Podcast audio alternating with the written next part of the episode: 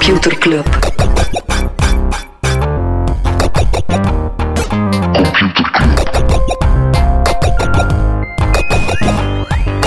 Computer Club. Hey Smally, Hey Freddy, welkom, welkom terug. welkom. Welkom bij Computer Club, een wekelijkse podcast over technologie. Iedere aflevering selecteren Freddy en ik een eh, interessant artikel en presenteren een feitje. Ik, ik vond dat ik iets te snel was met mijn intro. Snel? Hij is een beetje saai begonnen, maar dan heb je wel herpakt. Ik heb hem Dan heb ik herpakt. het herpakt. Alright. Dan heb ik het enthousiasme gevonden.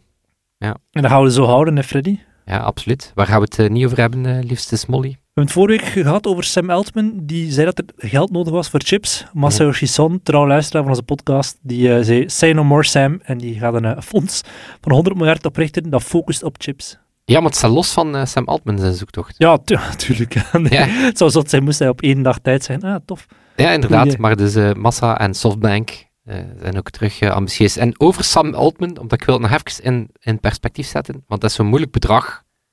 Tril- trillion of biljoen. Zeven... 7000 miljard. Ja. 7000 miljard. uh Zo uitgevonden. Hij wil ook dat het Witte Huis eh groen licht geeft. Ah ja, groen licht geeft. Ja, ik weet niet goed waarvoor. Mhm. Nee, hij vindt dat gewoon belangrijk, omdat hij Sam Altman is. Eh, maar dat zal wel pittig zijn, want Sam Altman eh, gaat veel van die 7000 miljard uit het Midden-Oosten halen. Mhm. En oké, de VS is niet zot van China als het gaat rond chips, maar ik weet niet, ook niet hoe hard dat ze fan zijn van oliegeld om dat te bekostigen. Ja, bon. We zullen zien, we zullen zien. Ja. Nog een ander zot bedrag. OnlyFans-gebruikers hebben in 2022 5,6 miljard gespendeerd op het platform. En tof weetje, Nick Kyrgios, de tennisspeler, die heeft een OnlyFans. En dat is zo eigenlijk de enige plek waar dat hij dingen post die niet per se te maken hebben met zijn tenniscarrière. En hij dwingt dus eigenlijk media om een abonnement op hem te nemen bij wijze van een soort persconferenties. Dus daar gaat hij de dingen posten die echt relevant zijn en die over zijn leven en zo gaan, die de media dan verplicht... Ja, dat is een eh, slim businessmodel natuurlijk. Hè. Hij betaalt, hij geeft betaalde press, persconferenties. Smart. Zeer smart. Ja, we hebben er eh, een keer een episode over gedaan, hè, over de OnlyFans Industrial Complex. Over van die ja, professionele content farms Ja. en eh, wat voor een eh, slimme operaties dat dat zijn. Ja. Al dan niet een slimme operatie, ik weet het niet, we zullen zien.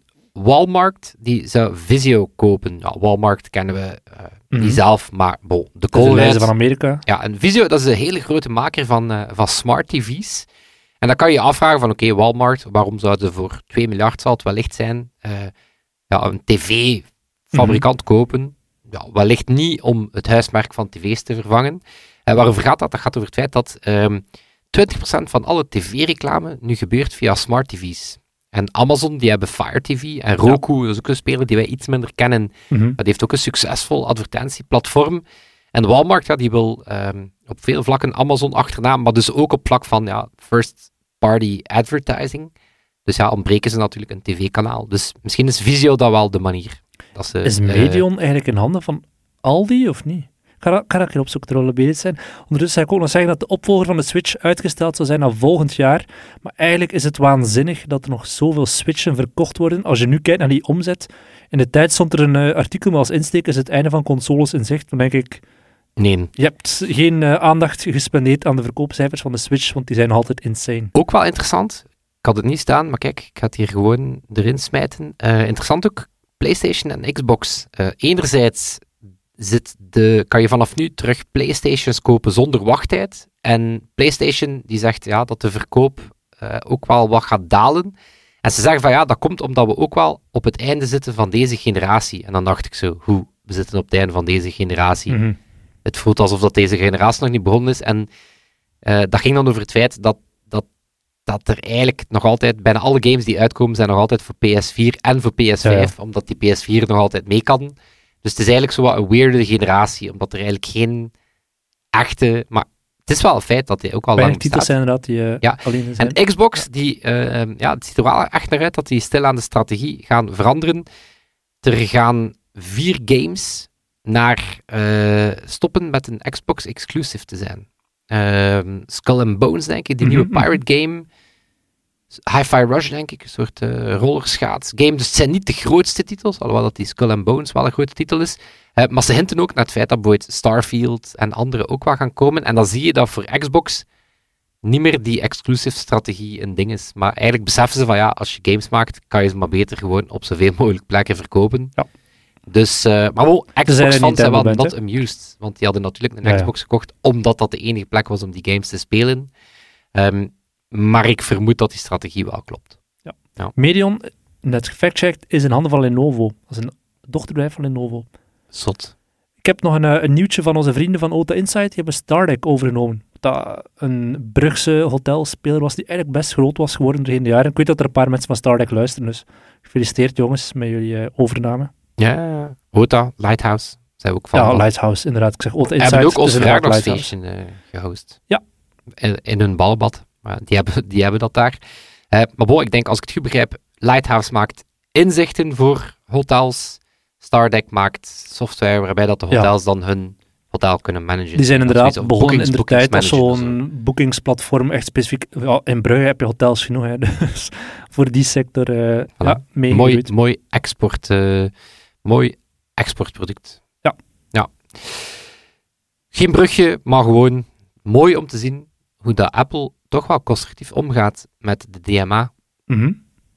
Oké. Dat is niet erg. Nee, eh, er was even de hoop dat door het feit dat er nu eh, third-party browser engines op iOS gaan mogen in Europa, was er even de naïeve hoop van, hm, dat, is- dat lijkt goed nieuws voor webapps, want dat betekent dat die Firefox of Chromium engines ja, nu eigenlijk gewoon nog beter eh, webapps gaan kunnen draaien.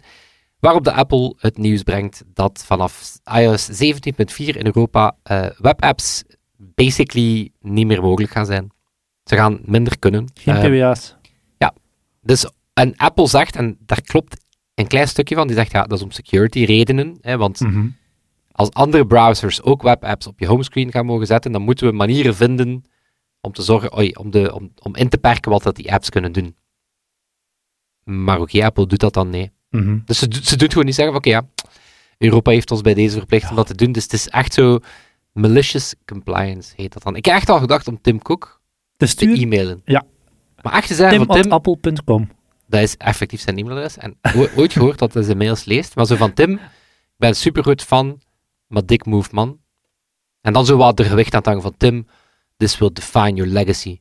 Ik zeg dan gewoon omdat ons forum natuurlijk antwoord een te echt, PWA hè? heeft. Hè? Wat? Voor hetzelfde had het antwoord de echt hè, in je mail. Ik heb ooit zo gemaild naar die dude van Basecamp, toen als ze daar zo een hele kutstreek hadden gedaan op Twitter, ik weet niet meer wat het precies was. En die had echt antwoord binnen vijf minuten. was zo van, oh fuck. Die leest maar het kan. Ik, echt, ik, ga het, ik ga het doen. Ik ga die, wel, die mail wel zelf moeten schrijven, maar moest ik code willen schrijven Mhm. voor iOS of Mac, dan moet ik dat vanaf nu niet meer zelf kunnen, want GitHub Copilot? Ja, maar dan de Apple-versie. Apple zou ook met een soort code assistant voor Xcode komen. Ik ben geen coder, maar eh, leuk voor hun. Ja, ze je minder bent moeten werken. nog geen coder, Smolly. Dus dat- Je bent wel een man die jingles kan smijten in de, Oh. in de Ja, wacht, deze. Regulation. Blijft echt, eh, blijft echt een goeie. Echt een nieuwe jingles moeten Ja. maken ook. Eh, wel minder goed nieuws voor Apple. Het is te zeggen, het valt wel mee. Ze krijgen een boete van Europa, namelijk 500 miljoen euro. En dat gaat over het feit dat ze het, door het feit dat ze het Spotify zo moeilijk maken om ja, mee te kunnen concurreren, ja, dat dat een oneerlijk voordeel is voor Apple Music. Wat doet Europa eigenlijk met al dat geld? Zou het dan beter dan zo meteen aanwenden om in Europese startups te investeren? Of om een vage stad Europese cultuurhoofdstad jaar te maken. Oké. En al die andere Ja. toffe dingen dat Europa kan. Eh, maar nee, dat gaat over veel geld. Nee, ze doen dan ook boeit met dat geld. Dus ze onderzoeken, onder andere naar TikTok, is er een onderzoek begonnen als deel van de Digital Services Act.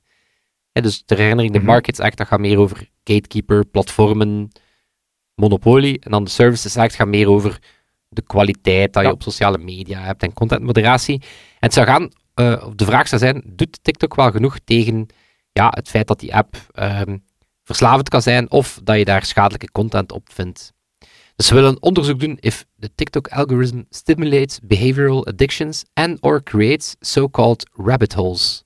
Ik denk dat het antwoord op die vraag is Ja. ja, dat is de hele premisse. Voilà, onderzoek afgerond. Nee, want het gaat dan over het feit dat TikTok ehm, gebruikers moet waarschuwen en dat ze zeker moeten zorgen dat daar geen kinderen op zitten. Wel interessant, tijdens die hearings in de Senaat was het in Amerika, was de CEO van TikTok eh, aanwezig. En die zei daar dat de gemiddelde leeftijd van een TikTok-gebruiker is... Schat, 12 jaar jonger. veel ouder. Ah, ouder. Oké, gelukkig. 17. 30. Oké. Ja, dus wow. die zei van, het, Ja. het, het groeit wel degelijk mee met Ja, maar dat is wel de goed dat het niet te jong is. Nee, voilà. Maar ik zou dat ook zeggen natuurlijk als ik op match geroepen word in de Senaat, Ja, ja. omdat ik kinderen kapot maak met mijn app. Dan zou ik ook zeggen van, Mhm. strikt gezien, maak ik oudere mensen kapot. En dat is toch, Dan mag het. toch, dat is toch belangrijk onderscheid. hè. Ja. Ik ben erdoor. Oké, ik ook. Ja. Gaan in de echte materie sparen altijd Freddy. nog iets voor de nieuwsbrieven. Nieuwsbrief.computerclub.online. Ja. Misschien wel de beste nieuwsbrief. Waarom Punt. zeg je Hey? Omdat ik ze nog niet allemaal gelezen heb. Dus totdat Ja, ik dat empirisch vastgesteld heb. Ja. Dus zeker niet omdat ik gebiased ben, dat wij hem schrijven. Ze. Nee, nee. Als is de beste gratis nieuwsbrief ter wereld. Ja. Freddy, waar gaan we het eh, wel over hebben? Waarover ging aflevering 126, Smolly? En dan meer bepaald jouw dan nog stuk. weet. Dat was eind 2022. Mijn stuk of jouw stuk? Ja, jouw stuk. Ik weet het niet. Eind 2020. 22. Oeh, nee, ik weet het echt niet. Je een Over? Wish. Ah ja. Ja, dat was een soort eh, AliExpress voor impulsaankopen. Mhm. Dat, als ik mij goed herinner, was dat kleine vlammenwerpers en mobiele kettingzagen. Denk Ja, dat dat het... allee, in mijn geval was dat toch wat dat... eh, en broeken met Nicolas Cage op. Ja. Ik denk dat dat het, het, de hele aflevering was. Nu, de aanleiding, eh, Wish wordt eh, verkocht. Aan Temu? eh, nee, Oké. aan een eh, naam dat ik niet helemaal goed ken. Een soort eh, private equity bedrijf Ah, uit oké. Zuidoost-Azië. En nu, dat was ooit 14 miljard waard, want we hadden toen die episode over het feit dat dat heel populair was. Dat, dat kon Uh-huh. nu. 14, eh, 14 eh, miljard. Maar ja, het feit dat die waardering nu zoveel lager is, is omdat Wish intussen de duimen moet leggen voor, je hebt het al gezegd, Temu. Temu en Shein. Mhm. Ehm, ja, de twee eh, Chinese e- e-commerce wervelwinden, eh, die, eh, die de, de app stores eh, domineren en zo. Tot op het niveau dat Amazon, ja, de, de e-commerce gigant, ehm, ja, dat, daar ook, dat Amazon ook angstzweet op het voorhoofd ziet Hoeveel parelen. Is, voor hoeveel is Wish verkocht? We hebben dat niet gezegd. 173 miljoen. Ooit was het 14 miljard waard, dus het is wat te ja, zeggen. ja, het is echt gecrashed, hè. Ja, ja. Het, is, eh, het is waar gecrashed. Ehm, maar dus die information die eh, sprak met wat Amazonians, want zo heten ze, eh, en Mhm. die bevestigen van ja, het is wel degelijk van soul searching geblazen. Ehm, een jaar geleden heb je Doug Harrington, wat dan zo de naam van het hoofd e-commerce bij Amazon is, maar kan ook een wetenschapper zijn, kan ook een van de oprichters van de VS zijn. Doug Harrington vind ik zo De echte naam van een, van een superheld van Marvel of zo. bijvoorbeeld. Dus Doug Harrington, ehm, personage, die stuurt dan een mail rond over Temu. En interessant genoeg, dat zelf een jaar geleden was Temu eigenlijk nog niet zo, zo echt bekend. Ehm, dan wel dat daar een hele grote eh, onderneming achter zat. En dat is PD, PDD. En dat is kort voor... Pinduoduo. Ja, dat is eigenlijk de Amazon van, van China. Dat is daar de e-commerce gigant, samen met natuurlijk Alibaba. Ehm, en die Duck zei, of het team eh, zei van ja, dat is wel echt een bedreiging, want ehm, het model van Shein of Temu is dat ze natuurlijk rechtstreeks vanuit China gaan shippen, waar dat onze arme westerse bedrijven Dan liefst een marge van Eerst nog 50% moeten gaan- oppakken. Ja. ja, voilà, eerst nog moeten gaan kopen in China en het dan met containers en pas dan en daar dan maar een marge voor kunnen pakken. Nee, dus die, die eh, Chinese leveranciers die gaan meteen eh, naar de klant. Ironisch genoeg is dat een beweging die Amazon zelf heeft ingezet, want tien jaar geleden had je op Amazon zelf amper 15.000 Chinese merchants. Vandaag zijn dat er meer dan een miljoen. En dat is omdat de voorganger van Duck is zelf nog naar China gaan om te zeggen van wauw, die fabrieken die maakten ooit gewoon brol voor Walmart, maar dankzij het internet kunnen ze nu die brol, allee, brol heeft hij niet gezegd, maar goods rechtstreeks aan de wereld, een poort aan de wereld, en wij zijn die poort. Ja. Dus voilà. Ehm, maar dus die bedreiging voor Amazon is wel reëel, ja, door het feit dat die eh, Chinese leveranciers ja, meteen naar die klant kunnen gaan, kunnen ze gewoon bodemprijzen ehm, aanbieden. Dus Amazon zit daar ergens eh, in een moeilijke plek, want oké, ze hebben enerzijds die concurrentie van Shein en Temu, maar ze hebben ook gewoon heel veel Chinese verkopers op hun platform. Eh, dus dat is dubbel gevaarlijk, want enerzijds worden Shein en, en Temu gewoon groter, en anderzijds is er het risico dat die Chinese merchants op Amazon, en dat is goed voor de helft van de best verkopende third parties, zijn Chinese bedrijven, Zoals Boyd Anker, die powerbanks en zo. Ooit, Ja, juist, ooit eh, ja. heel, heel goede powerbanks en, eh, en chargers en zo. Ooit begonnen als een, mer- als een merchant op, eh, op Amazon. Ehm, ja, dat die gaan, gaan mee verhuizen naar Temu of, of Shein. Ehm, en dat is extra pittig, want het, ja, het hele model van Temu Boyd staat eigenlijk, staat eigenlijk, is eigenlijk omgekeerd aan, aan dat van Amazon. Zijnde, ja, het is spotgoedkoop, maar je moet er wel weken op wachten. En Amazon die gaat dan eigenlijk net op, ik ga niet zeggen kwaliteit, maar vooral op kwaliteit van levering, betrouwbaarheid van levering, Mhm. snelheid van, van levering. Ehm, en dat is bovendien waar dat ehm, ja, Amazon ook voor een heel groot stuk het geld aan verdient, is het feit dat zij merchants quasi verplichten. Zacht, hè, het is geen verplichting, maar je, Mhm. wordt, eh, je wordt natuurlijk wel voorgenomen als je de levering via Prime, eh, via Amazon Fulfillment doet, ja, dan moet je eh, warehouses in de VS van Amazon huren en dan, dan doen zij de verzending. Dus daar verdienen ze natuurlijk eh, veel geld op. Nu dat ik geld vermeld, even voor context, omdat het is wel interessant om dat eens naast elkaar te plaatsen. Totale volume aan, ehm, aan dingen die verkocht worden op Temu, ehm, dus gross merchant value, een metric die voor marktplaats wel Mhm. interessant is, ehm, is, was vorig jaar 16 miljard. Van Amazon is dat 729 miljard. Amazon is Ja. wel nog veel groter, maar bon, het is niet niks. Maar eh, deel van de reden trouwens dat eh, Temu de meest gedownloade app is geworden in de VS, is omdat ze meer dan 3 miljard aan advertenties hebben uitgegeven. Dus ze smijten er ook wel dik geld tegen. Maar dan is de vraag, ja, wat, gaat, eh, wat gaat Amazon doen? Ehm, ooit al vermeld in de nieuwsbrief. Ehm, maar deel van het plan is dat ze de handelaarskosten voor bepaalde producten omlaag gaan halen. Nu betaal je eigenlijk 17% eh, ja, commissie op alles wat je verkoopt als third party. Dus voor producten onder de eh, 15 dollar gaat dat naar 5%. En producten tussen de 15 en de 20 dollar gaat dat naar eh 10%. Mhm. Dus ze gaan een stukje die kosten verlagen. Want voor veel van die, van die handelaars die ja, kleinere dingen, accessoires enzovoort verkopen, ja, die zien soms tot 90% van de marge die bij Amazon blijft plakken. Dus dat maakt dat wel degelijk verschil uit, zo'n eh, zo'n commissie. Maar ook naar consumenten toe gaan ze, ehm, zijn ze aan het kijken om het anders aan te pakken. Ehm, een experiment dat niet goed uitdraaide was zo die Wish-achtige inspiratie. Ze hebben ooit geprobeerd om zo meer van dat soort impulsaankopen in Mhm. die vitrine te zetten. Maar toen hebben ze gemerkt dat ja, dat is gewoon niet Amazon. Amazon is, je gaat daar naartoe als je weet Zeer gericht op zoek bent naar ja, voilà. En niet omdat je wat aan het swipen bent en zegt, weet je, zo'n broek van Nicolas Cage. de max. Ik wist niet dat ik het moest hebben, ja. maar Ik, zie, ze dan, moest hebben, maar... ik zie ze dan binnen 17 weken wel, wel Ja. aankomen. Of niet.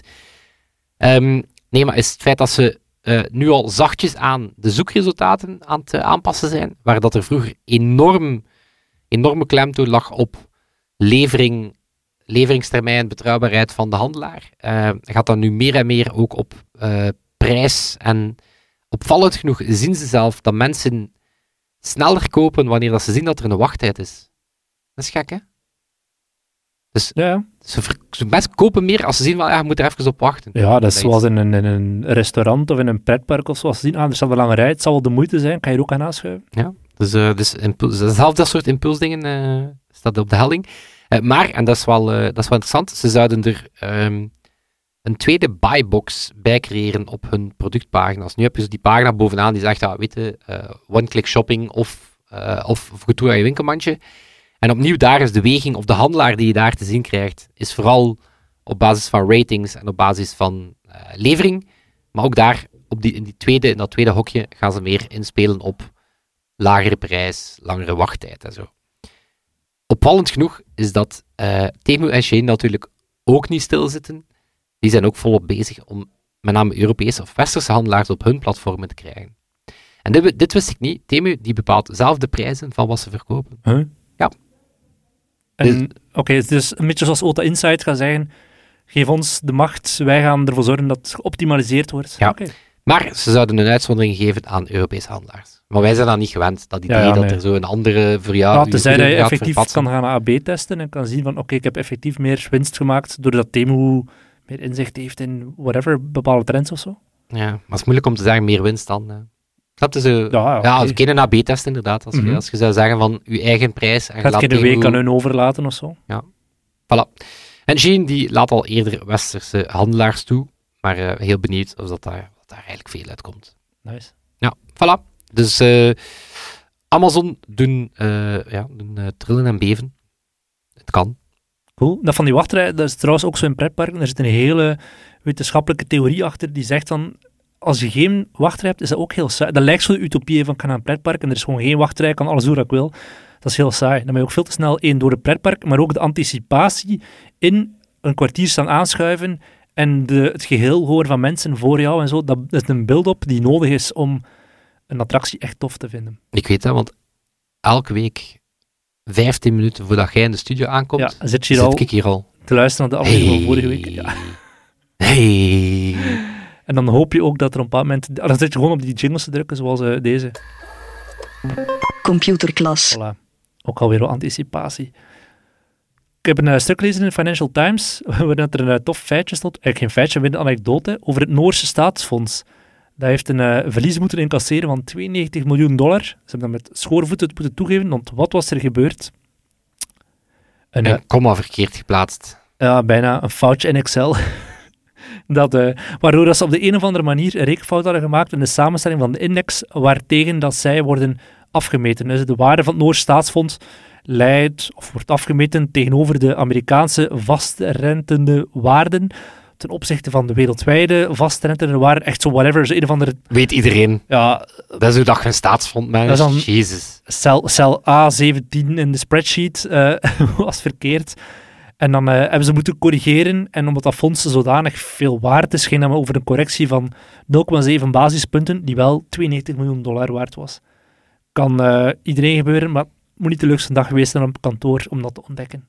Chance dat 92 miljoen niks is voor Noorwegen. Nee, inderdaad. Voor hen is dat gewoon Dus een slecht uur. ben ik verkeerd of is dat Ja, dat de is grootste grootste private Ja, ja. investeerder ter wereld? hè? Ja, dus als zij zeggen, wij gaan duurzame investeringen doen en fuck olie Dan en gebeurt zo, dat. dan eh, moet de rest van de wereld me volgen. Ironisch, want een geld komt van olie. Dus Ja, interessant. dat is zoals Shell die nu inderdaad... Heb je dat foutje gezien van, eh, van Lyft? Lyft? Dus. Lyft had, eh, had één al betere resultaten, maar zeker niet zo goed als Uber. Allee, Uber- was echt wel gewoon aan het knallen. Lyft was zo, weet je, Mhm. het gaat ook niet slecht. Maar de aandeel ging enorm sterk, omdat ze, ehm, omdat ze in het persbericht ook gezet hadden van, eh, we denken dat, de nee, nee, we denken dat de winstmarge ehm 5% gaat toenemen. Dus al die beleggers, wow, wow, dit is nice. En dan zo, ah nee, foutje, het is 0,5%. Echt zo, letterlijk, oeps, typo. Ja, Ah, typo's. point five. Alright, ik ga het hebben over, eh, ik zei net AI, maar ik ga het hebben over OpenAI. Die hebben al verschillende tools gelanceerd, zoals ja, ChatGPT en DALI zijn de meest bekende uiteraard. Ze hebben een nieuwe tool in beta gelanceerd, Sora, die nu aan een paar eh, testers en academici beschikbaar is gesteld, zodat zij als een red team zijnde kunnen op zoek gaan naar de potentiële gevaren van die software. Sora, voordat we echt diep in de materie duiken, Ik geloof daar trouwens niks van. Van zo, het is om het Red Team de kans te geven om te zoeken. Het is Nee. gewoon om meer suspense te bouwen, hè, toch? Tuurlijk, en vooral ook, maar daar gaan we het er misschien over hebben, waarom die timing zo snel was. Maar eh, Sora, voor we in de materie duiken, is het Japanse voor de hemel. En dan heb ik het over de lucht, niet, niet de, de plek waar we rijstpappen gaan fretten, maar de hemel als in de lucht. Een soort blue sky. Maar eh, inderdaad, waarom hebben ze dat nu zo gelanceerd? Het is ook toevallig in de week waarin dat Google Gemini heeft gereleased. In hun AI-dingen komt... eh OpenAI die zegt, oké, leuk voor jullie Google, wij gaan nu even alle aandacht van jullie kapen met Sora, ons videosysteem. En uh, Jolma op, de, op het forum, die zei van, ja, kan je nog prominenter aankondigen dat je Google gaat aanvallen dan met nieuws van een uh, text-to-video gelanceerd uh, model? Het is wel, ik, ben, ik vind het wel echt interessant. Want inderdaad, Gemini zat, was Is eigenlijk wel goed, dat was wat? Dus vorige maandag zo aangekondigd. Ja, het, was, het, is, het is eigenlijk nice, want het is, ze hebben er heel lang mee... Het had heel veel vertraging. Dus het feit dat er nu zo'n 1.5 komt, die, die extreem veel beter is, enzovoort, mm -hmm. is echt zo... Nice Google. En dan zo... Nee, nee, nee, nee. Nee, nee. nee. Hold my beer. Sora is, ja, we zeggen zelf, text-to-video. Dus je typt een zin in, of meerdere zinnen, en dan krijg je, genereer je een video. Runway was een van de eerste applicaties die dat deed, en die nu ook gewoon uiteraard omvergeblazen wordt door het OpenAI krachtpatser dat eraan komt. Ze dan in april al, maar dat waren zeer korte video's, ook zeer slecht. Dat waren video's van vier seconden die vrij brak aanvoelden. Sora die kan het tot een minuut doen. En ehm, ja, uiteraard, een van die dingen die die, als ze al, echt met een red team gaan werken, een van die dingen die die mensen meteen zullen flaggen, is het feit dat dit een enorme impact gaat hebben op vlak van eh, fake news. We hebben een tijdje geleden de deepfake gehad van Jean-Luc Dehane. Hetzelfde hebben we ook gezien in onder andere Indonesië. Politici die dood waren, die plots weer tot leven werden gewekt in een video. Ja, Zo'n ding als Sora zal dan nog veel meer kunnen, eh, kunnen doen of veel Hadden sneller die, ehm, dit is slightly off topic, Mhm. hadden die ehm, campagne uit de VS gezien met die tegen, voor gun control? Nee. Dat is wel heftig, hè? Het is, zo, het is zo, ja, eigenlijk not done om, eh, om mensen tot leven te wekken met, maar wat hebben ze dus gedaan? Ze hebben dus de, met toestemming van de ouders stemmen van eh, kinderen die gestorven zijn aan school shootings, eh, die stemmen synthetisch gemaakt en die naar congressmen laten bellen hebben. Ja, oké. Dat is inderdaad zo. Oké, het wordt nu voor het goede doel gebruikt, maar voor hetzelfde geld dan dit stemmen van abort geaborteerde kinderen kunnen zijn. En Ja, dus het is zo... het is zeer wrang, hè, uiteraard. Om mensen die dan... Ja, Wat, wat, wat gaat OpenAI ook doen? Ze zeggen al meteen, ah, we gaan met een watermerk komen. Wat dat dan... We hebben het er al vaak over gehad. Zo'n watermerk klinkt als een, een pleister op een honden die zal blijven etteren, want er zal nog veel meer mee naar boven komen. Wat zou je er tegen kunnen doen? Als je zegt, ja, we gaan een watermerk doen, wat zou ze volgens jou, wat zou OpenAI nog kunnen doen om fake nieuws of deepfakes te vermijden? Wat ik denk, is in eerste instantie al de software niet trainen op videomateriaal van bekende mensen. Of ervoor zorgen dat als iemand zegt, ik wil een video van Elon Musk, al meteen flaggen van, ah, het is Elon Musk, ja, dit kan je niet genereren. Ja, maar, dat, is zo de, de- dat is zo het dubbele, want ze hebben, dat was hetzelfde met zo synthetische stemmen. Mhm. Dan is zo... Daar, daar zaten dan checks in van, ah nee, het is Elon Musk, we Ja, gaan, ja. dat gaan we niet doen. Maar dat is zo... Ah, maar Thomas Molders kan wel. Ah, wel, want ik ga, die man, inderdaad- ik ga die hele man zijn gezin kapot maken. Nee, Doe maar. Hey, dus het is zo... Ja, ja, want inderdaad, Joe Biden ga je wel niet kunnen doen daarmee. Met een lokale politicus is dat veel moeilijker. Kijk dan bijvoorbeeld naar Vincent van Quickenborne. Daar was, circuleerde onlangs ook een foto van hem die eh, aan het kussen was bij iemand. En we weten nog altijd niet, was dat nu echt of niet, eh, die persoon, of waren die beel- beelden echt of niet. Zo'n lokale politicus die zal nooit in zo'n database opduiken. Eh, Joe Biden is al makkelijker te filteren van dit mag niet, maar Vincent van Quickenborne bij OpenAI, they don't care wie dat is. Je zou kunnen zeggen, als je een beeld wil genereren van een echt bestaand persoon, dus als je niet zegt, het moet iemand zijn die hierop lijkt, zou je misschien moeten zeggen, ah, moet er expliciete toestemming voor geven. Of als jij een foto van iemand uploadt, om te zeggen, maak een video van deze persoon. Ja, maar zelfs je kan toch moeilijk gaan vragen aan OpenAI, mensen moeten met It's Me gaan signeren van dit is officieel mijn beeldenis, je mag hier een video mee maken of zo. Ja. Maar er is ook zo het dubbele gevaar, want het is niet zozeer dat, dat je video's gaat zien die dan niet waar blijken te zijn, maar het is ook gewoon dat dingen die wel waar zijn, ook verdacht worden dan. Of dat die gewoon niet opvallen in de massa. Snap je? Het Ja, ja. het, is zo het feit dat, je, dat ik ook gewoon een echte video kan zijn, AI-generated. Ja, ja, zoals dat, ja, het had waar kunnen zijn en dat soort eh, uitspraken van bepaalde politici die dit zeer makkelijk kunnen afschilderen als, maar als fake news. En ja, Donald Trump was daar natuurlijk de koning in. Hè. OpenAI wil ook niet zeggen op welke database dat de video's getraind zijn. Ze zeggen dat het is een mix van openbare video's en video's waarvoor we expliciete toestemming gegeven hebben. Ja, dat zegt ook weer alles en niets tegelijkertijd. Maar als je dan nadenkt, we hebben nu gehad over risico's, we hebben nagedacht over potentiële vangrails, als in, je zou bijvoorbeeld niet kunnen toelaten dat iemand een foto uploadt en dan zegt, maak hier een video van. Dat zou al, een tussenstapje kunnen zijn. Of gewoon nog niet letterlijk zeggen, het moet een foto zijn van Frederik de Bossere die tot leven komt. Potentieel is er uiteraard ook, hè. net zoals hij met Midjourney in de tijd meteen kon gaan dromen van, ah, we kunnen hier dit en dit mee doen. En als je kijkt nu, anderhalf jaar na de lancering ervan, gebruiken wij dat bijna dagelijks in, om een branding te maken of om stokfoto's te vervangen door beelden die net iets leuker zijn. Ook hier weer meteen kun je gaan dromen naar positieve use cases. Wat ik bijvoorbeeld meteen aan dacht is gaming. Enerzijds wereldcreatie, maar ook de tussenshots, de cutscenes. Ja, sommige studios, à la Rockstar, die hebben budget om daar gigantisch zotte dingen mee te doen. Er zit dan heel veel bagger in de studios die er net onder zitten, omdat die gewoon het budget niet hebben. Die hiermee wel zeer fotorealistische cutscenes kunnen maken die ertussen zitten. Ja, ik had ook inderdaad bij zo werelden genereren. Zo die Ja. video van die jeep die zo door de oerheid rijdt. En dan denk ik, oké. ja, maak hier inderdaad een, eh, een, een ik niet zeggen een, eh, een lokale game studio, want we hebben hier Larian om de hoek zitten, maar een andere die niet Larian is, die kan hier heel zotte dingen mee doen. Ook de content op YouTube, bijvoorbeeld animatievideo's voor kinderen. Nu heb je daar contentfabriekjes die zeer slecht geproduceerde Pixar-achtige doorslagjes van maakt, die zeer slecht zijn. Ja, laat dit door Sora maken en dat niveau is meteen tien keer hoger natuurlijk. Weet u dat er volgens mij ook nog goede ideeën heeft? Nee. Het Onze forum. luisteraars. Yes, inderdaad. We gaan op forum inderdaad de vraag smijten. Wat zie jij als grote use case die vervangen zou kunnen worden, of waar Sora gewoon echt wel door disruptie zal doorheen? Dat kan zijn gaming, dat kan zijn de filmwereld als in Hollywood, maar dat kan ook zijn de filmwereld als in animatiecontent voor op YouTube, ehm, webinars, zeg maar iets. Dat kan allemaal gedisrupt worden, maar misschien zijn er ook nog zaken waar wij niet aan denken. Dus we gaan die vraag op het forum stellen. Ja. Zijn er al eens durvers op het forum? Durvers die... eh, Die durven wel eens in de robotaxi kruipen. Ja, ik zag inderdaad, Bram van Oost, we hadden vorige week gevraagd, durf je in een robotaxi kruipen, ja of niet? Heb jij het forum openstaan? Ik zal het... eh, yes, dan, had- dan hadden we gevraagd, eh, durf jij in een robotaxi stappen, ja of nee? Bram van Oost die zei meteen, ik wil dit doen en ik zet twee GoPro's op mijn hoofd. Iemand anders die linkte naar de passage of de scène uit Silicon Valley, waarin de Jared een robotaxi nam en eindigde op een boorplatform, omdat de robotaxi zijn eh, vraag had overruled en hem eh, had gere- geredirect naar een booreiland duizenden kilometers verderop. Het is een, eh, het is, het is, de resultaten zijn super duidelijk. Ja? Meer dan 82% zou in een robotaxi stappen. Ja. 82%. Ja. Maar er waren Ja. ook mensen die zeiden, ik wil het niet doen, of toch zeker niet in Brussel, want dat is totaal niet, niet Dat veilig. is de final frontier.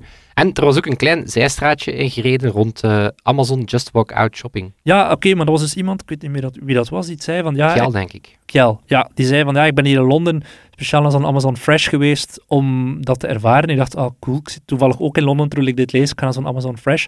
Maar die waar ik was, was toch wel meer een soort gewone spar. Met een selfscan en zo wel, maar niet hetgene van, ik ga hier dingen nemen, ik mag buiten wandelen door gewoon nog één keer met mijn bankkaart te swipen. Ik moest wel effectief alles gaan scannen dan nadien. Weten bij wie dat wij gelukkig niet met ons bankkaart moeten swipen. Bij Toon en Sebastiaan. En toch kunnen we rekenen op een hul- hulp. Toon en Sebastiaan, die ons elke week helpen bij de mix. Sebastiaan, die hem deze week voor zijn rekening neemt. Daar zijn we super dankbaar voor. Dus er zat een knip in deze aflevering. Je mag zelf raden waar het is zat. Het zal zodanig Haha, natuurlijk aanvullen, het gebeurt zelden, maar als het gebeurt, Ja. zou je het nooit weten. vakkundig geknipt. Nooit geval. Ook dankbaar voor onze webmaster Diwi, die onze Mastodon in de lucht had, ook ons forum. We hebben daar ook effectief de badges gelanceerd voor mensen die heel veel support doen. Het is echt zo Foursquare, maar dan... Ja, het is de Computer Foursquare Club update. Dus mensen die heel veel support doen, die krijgen die... eh, dat is een badge die je eigenlijk voortdurend kan verdienen als je gewoon heel veel supportvragen beantwoordt. En dan hebben we ook onze OG badge. Dat zijn mensen die heel actief waren in de eerste drie maanden van het forum. En dat is de maanden die nu voorbij zijn. Ja. Maar, Maar- we gaan die nog, dus we gaan die dan binnen drie maanden nog één keertje ook uitreiken, maar dan natuurlijk wel met extra hoge criteria. Ja. Dat zijn we dan ook. Dus de mensen dus- hebben nu, nu al gekregen, de OG-badge. Ja. Of de support-badge. Iedereen natuurlijk, mensen die heel veel gelezen hebben of eh, gedeeld hebben. Maar weet dat er nog een kans komt. Dan ga je de komende maanden heel jolig moeten zijn. En waar vind je het forum? Computerclub.forum, het is daar Yes. super plezant. En dat zal dat het zijn. zijn. Tot volgende week. Yo!